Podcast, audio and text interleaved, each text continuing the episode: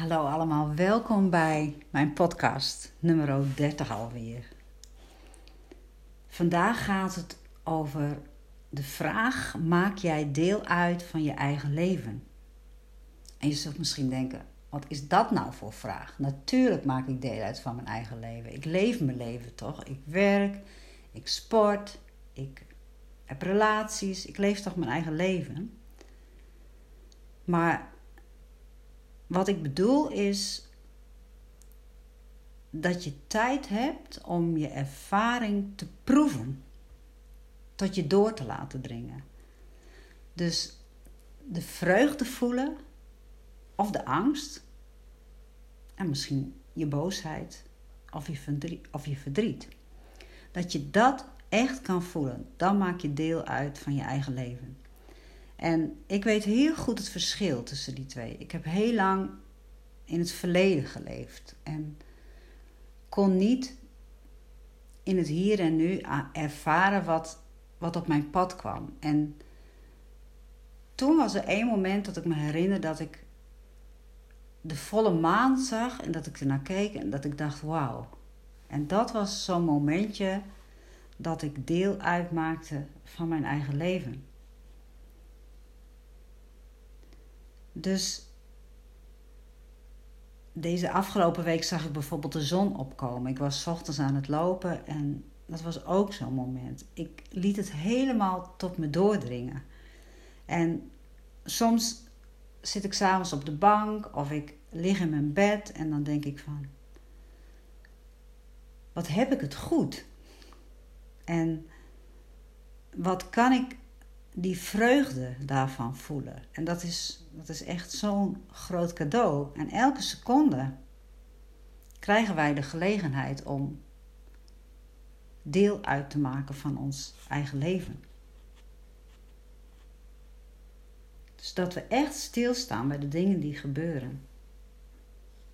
Dat we vreugde kunnen ervaren, dat we kunnen genieten, maar ook dat we pijn kunnen voelen of angst. En dan bedoel ik dat je erbij kunt zijn, zoals ik ook al in mijn eerdere podcast heb uitgesproken. Dat je dus echt kan doorvoelen wat er op dat moment in je leven gebeurt. En er zit vaak wel een ruis op. Een ruis op het deel uitmaken van ons eigen leven, omdat we ons laten beïnvloeden door gebeurtenissen van buitenaf. En ik ken dat zelf heel goed. dat je in de geweldloze communicatie noemen ze dat emotioneel afhankelijk bent van de ander. Dus als de ander even niks van zich laat horen of niet snel genoeg volgens jou ergens op reageert of uh, niet iets wil wat jij graag zou willen, dan laten we ons daar wel eens door beïnvloeden. En dan zitten we eigenlijk al in, in zo'n stuk van dat we niet meer echt aanwezig kunnen zijn in ons eigen leven. Want dan laten we ons, ons humeur, ons gevoel laten we bepalen door iets van buitenaf. En in de geweldloze communicatie teken ik dan altijd twee cirkels door elkaar heen. En dan zeg ik, ja, je zit verstrikt in elkaars gevoelsleven. En in relaties kun je dat natuurlijk hebben. Dat heb ik ook met mijn man heel sterk gehad. En soms nog wel. Of met je kind. Hè? Dat je denkt van, als je kind iets doet of voelt, dan voel jij dat ook. En dan ben je dus niet meer bezig met jouw leven, maar met het leven van je kind of van je partner. En nu schiet me iets te binnen van Byron Katie, die zegt: uh, Er zijn dingen van jou en van de ander en van God. Alles waar je geen impact op kan hebben. Laat dat maar aan God over. En als je bezig bent met het leven van die ander, wie is er dan in Gods naam bezig met jouw leven. En dat helpt mij heel erg als ik bezorgd ben bijvoorbeeld. Dan denk ja, ik ben nu bezorgd. Maar ja, nu ben ik bezig met het leven van die ander. Dus wie houdt zich dan bezig met mijn leven? Dus het is echt een uitdaging om je bezig te houden met je eigen leven. En dat bedoel ik met de vraag: maak jij deel uit van je eigen leven? En dat heeft natuurlijk ook te maken met onvoorwaardelijke liefde voor jezelf. En dat is ook zo'n begrip wat misschien voor de een makkelijker is uit te leggen dan voor de ander. Nou, het is voor mij niet heel makkelijk om uit te leggen, maar als je de liefde voorwaarden oplegt, dan ervaar je de voorwaarden en niet de liefde. Dus dan gaat het niet over de inhoud, maar over de vorm. En ik zou jullie willen vragen om eens te proberen bij jezelf te observeren of jij voorwaarden schept bij de liefde. En liefhebben zonder voorwaarden is dus ook dat je onafhankelijk bent van wat de ander zegt of doet. Dus dat je innerlijk vrij bent.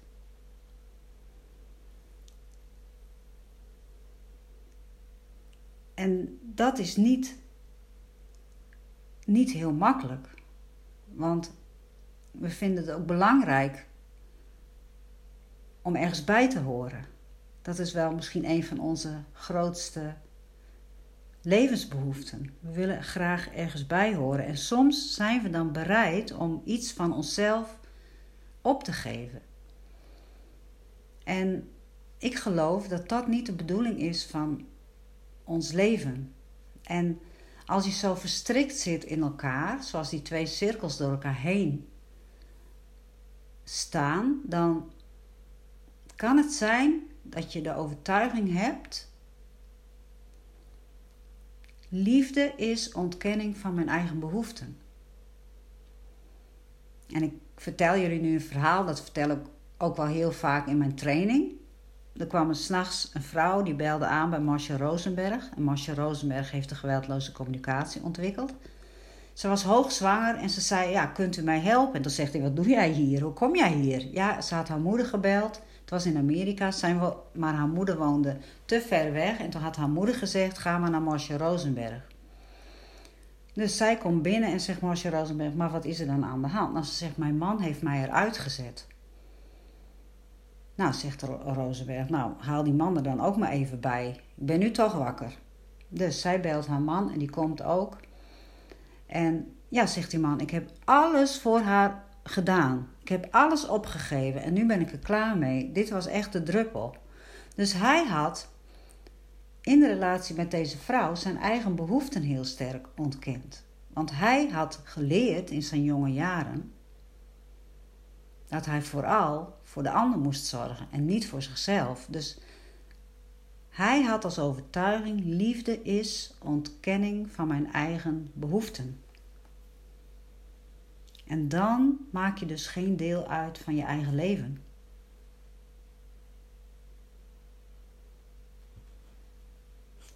Dus laten we met elkaar weer deel gaan hebben aan ons eigen leven. Want als we dat gaan doen, dan kunnen we ook zo'n positieve invloed hebben in de wereld. En op onze kinderen. En op de mensen om ons heen. Dus het is helpend om te leren luisteren naar de gebeurtenissen, naar de ervaringen in ons leven. Dus om de ervaring te proeven, zeg maar, tot ons door te laten dringen. Om weer vreugde te voelen bij een volle maan of een zonsopgang. Of om weer vreugde te voelen als je stilstaat en je hoort het ruisen van de bomen en de wind streelt langs jouw haren. Dat, om dat te voelen. En laten we weer bij onszelf naar binnen gaan. En niet buiten onszelf gaan zoeken naar oplossingen. Of niet alles doen om er maar bij te horen. Het is zo belangrijk om in aandacht bij jezelf te zijn. Om ervaringen tot ons door te laten dringen. Om er echt bij te zijn. Die mogelijkheid hebben wij elke dag opnieuw. Dus een klein beetje introspectie op het juiste moment in ons leven kan een heel groot verschil maken. Soms gebeurt er iets buiten ons, buiten ons waardoor we ons in het nauw gedreven voelen. En dan heb je nog één mogelijkheid, namelijk om bij jezelf naar binnen te gaan. En daar hoef je niet uren voor te mediteren, maar het kan zijn dat je periodes, misschien vijf minuutjes, tien minuutjes per dag creëert om stil te zijn en te luisteren. Ik zit nu een week in Borger en ik heb daar een huisje gehuurd en ik trek mij dan even een week helemaal terug. En ja, dat is. Ik doe het heel regelmatig momenteel. En dat vind ik zo heerlijk dat ik dat kan doen en dat ik ook die ruimte neem om dat te doen. En in die stilte, en de stilte waarin ik nu ook zit hier, uh, maak ik deel uit van mijn eigen leven. Leer ik luisteren. Ben ik bij wat er van buitenaf op me afkomt.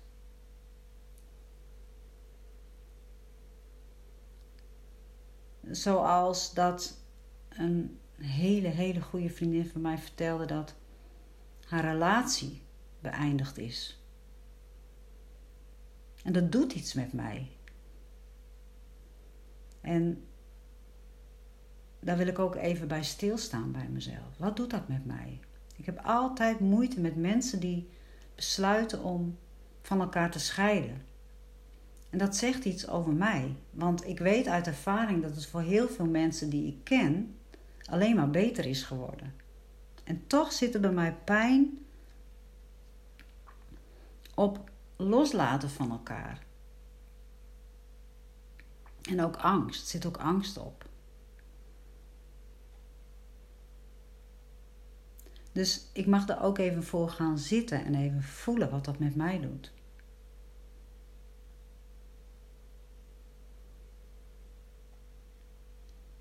Ik sta daarvoor open.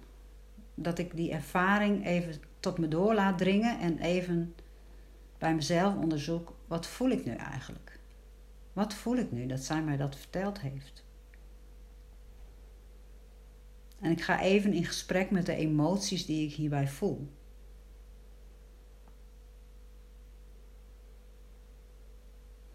En ja, het leven en alles wat er gebeurt in ons leven.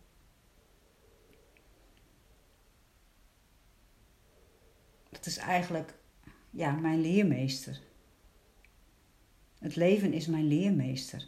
En ik krijg voortdurend feedback, voortdurende correctie. En ik luister niet altijd, maar ik ben me nu er wel van bewust dat het wel voor mij althans wezenlijk is om wel te luisteren, om echt de dingen te doorvoelen. Want uiteindelijk zal mij dat vrijheid geven. En wat voorwaardelijke liefde is, hebben we natuurlijk geleerd van de mensen bij wie we zijn opgegroeid. Want die mensen hadden ook hun angsten en schuldgevoelens. En daar hoeven we ons ook niet voor te schamen. En wij hebben als kind ja, eigenlijk geleerd uh, ja, dat we alleen uh, onszelf waarde toe mochten kennen als andere mensen positief op ons reageerden. Dus het gevoel van eigenwaarde werd van buitenaf vastgesteld. En dat was nou echt een fundamentele vergissing.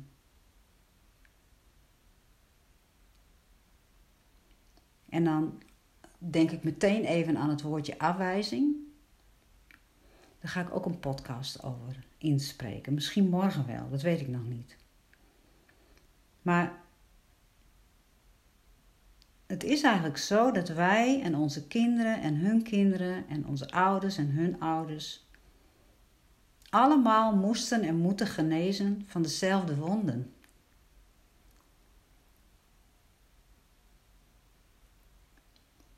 En als je echt met jezelf aan de slag gaat en echt daarbij stil gaat staan en echt die ervaringen echt ervaart,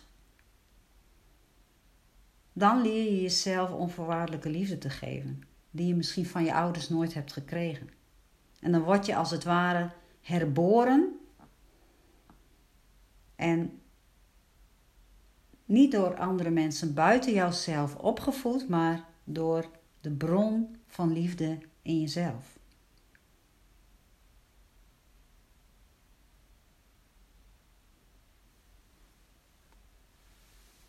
En dat vind ik wel heel mooi om dat zo uit te spreken.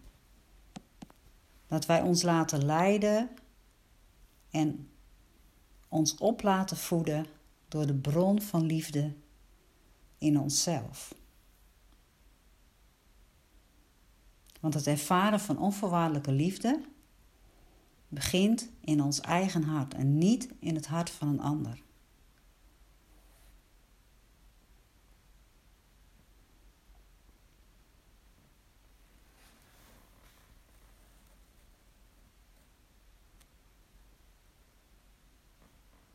En ik ben er even stil van, merk ik.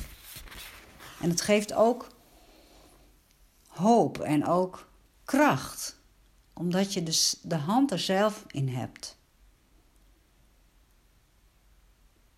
Je kunt er zelf voor kiezen om die bron van liefde in jezelf aan te boren. En er zijn allerlei mensen die komen en gaan in je leven. En er zijn mensen die je goed behandelen. Er zijn mensen die je niet leuk behandelen. Maar ik wil je vragen, de liefde die er is, aanvaard die. En het gebrek aan liefde, zie dat als een kreet om hulp van iemand die gekwetst is. Dus als iemand jou geen liefde kan geven of iemand die jou pijn doet, zie dat als een kreet om hulp van iemand die gekwetst is. En kijk daar dus doorheen. En probeer in verbinding te blijven, maar niet ten koste van jezelf. Maak jij deel uit van je eigen leven. Nou, ik hoop dat je door deze podcast even bij stilstaat bij deze vraag. En dat als het antwoord van jou nee is, dat je dan van alles gaat proberen om ja te kunnen zeggen tegen jouw eigen unieke leven. Tot morgen.